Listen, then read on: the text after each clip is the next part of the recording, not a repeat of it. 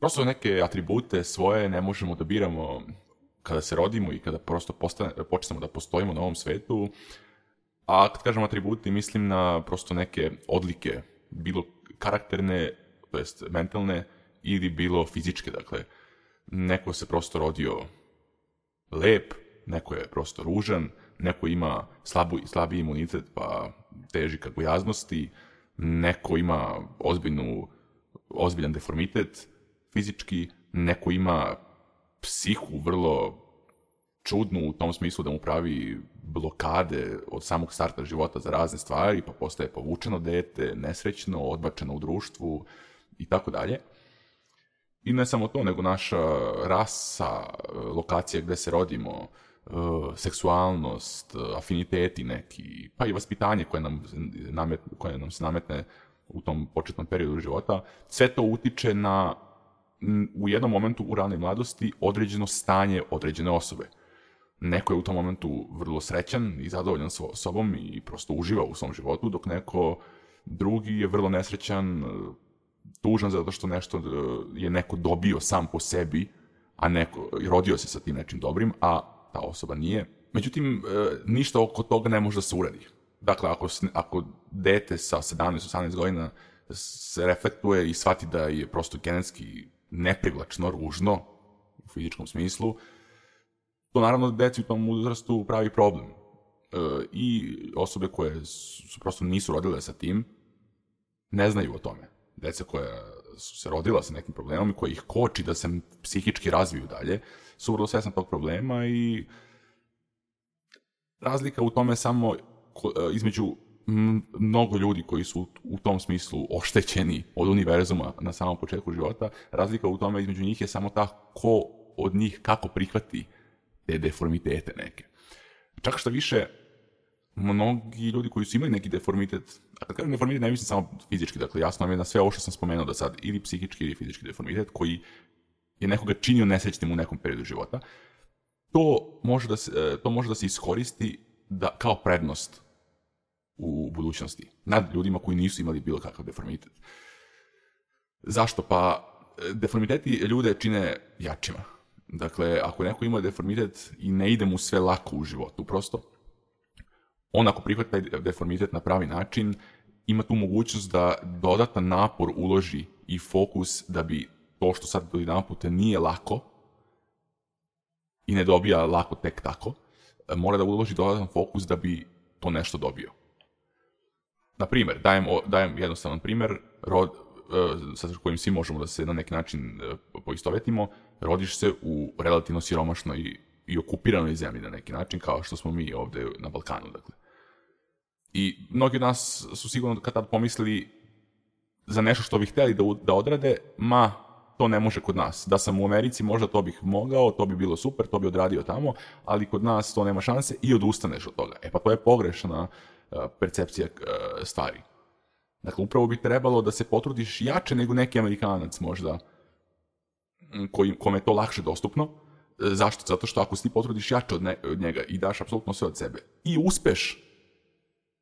onda ne samo da ćeš biti e, bolja osoba sama sa sobom, nego ćeš biti bolji i od njih. I čak šta više, jedina, jedini način da budeš, da, da, da odradiš to nešto što bih želeo je upravo to, dodatnim fokusom, a ne da budeš tužan zbog toga i nesrećan i gnevan zato što moraš da odradiš više.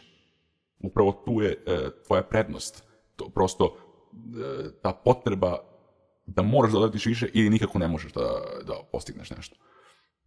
Jer tad se pronalazi e, dodatna razlika u odnosu na drugi. Jer kada bi neko drugi uspeo kome je bilo lakše i ti koji uspeš kome je bilo teže, kad se vas dvoje po, uporedite,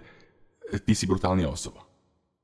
I sa, samim tim si brutalniji od njega i samim tim e, postaješ cenjeniji od njega, samim tim e, razumete u kom smeru pričam. Dakle, kreće klupku da se, odklu, da se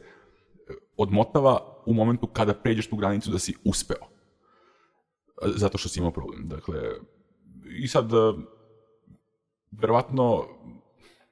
verovatno se ima, e, verovatno se imaju bar nekoliko ljudi koje znaju da su bili mega popularni, na primjer, u osnovnoj školi, Ja su bili prosto, na primjer, evo pričamo o, o, o dečacima, dakle, koji su bili vrlo popularni u osnovnoj školi kao klinci, iz prostog razloga jer su eto imali u tom momentu startno fizički e, fizičku neiskompleksiranost kao većina e, klinaca koje ima u tom momentu i prosto su bili dovoljno ekstrovertni i ljudi su ih voljeli u tom momentu i se je išlo lagano. I da se desilo da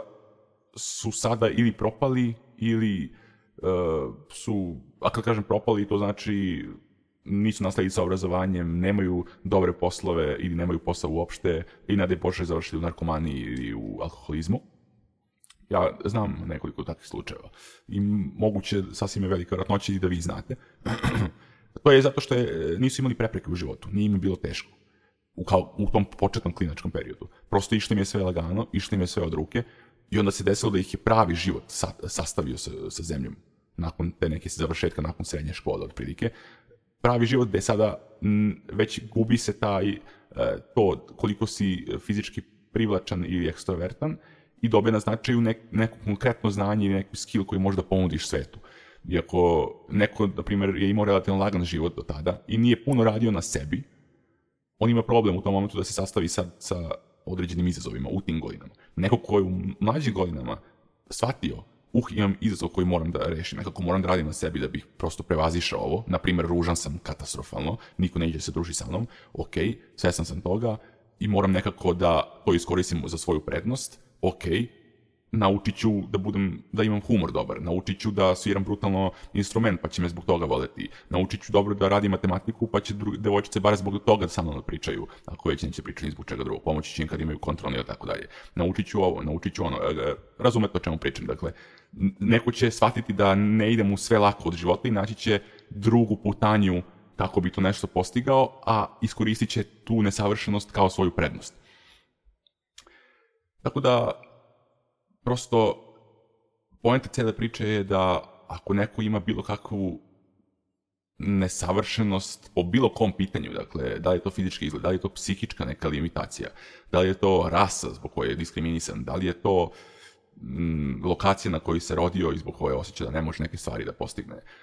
da li je to neko vaspitanje koje je useđeno i teško se menja, šta god da je od toga i šta god da je da samo samog sebe limitiraš time ili te drugi zbog toga limitiraju, to treba da se iskoristi prosto kao sobstvena prednost, jer to je neko gorivo koje, ljud, koje ostali nemaju. I ti možeš to gorivo da iskoristiš kao dodatnu motivaciju i dodatnu snagu da postigneš to nešto što će dati tebi smisla u životu i što će u krajnjem slučaju, ako baš želiš da se osvetiš, što će zapušiti usta drugim ljudima koji su te zbog toga ne, nečega osuđivali i zbog koje si bio odba, odbačivan, odbacivan i što ću u krajnjem slučaju i da ih vrati ka tebi, da jedan put sad te vole, ali jedan put sad im trebaš, ali jedan put je sad sve okej, okay, a do tada nije bilo. I onda ti tad prosto možda odluči da će da im oprosti zbog toga što su bili takvi dok nisi, dok nisi bio niko u suštini ili ćeš, ili im neće prosto oprostiti. U svakom slučaju, razmislite o tome koliko vaše nesavršenosti zapravo mogu da budu vaša snaga i probajte da ih iskoristite, da, da nađete način da ih usmerite ka tome da budu snaga i da proizvedu nešto dobro. Hvala na slušanju i vidimo se već u sledećoj epizodi podcasta Neuroprizma. Pozdrav!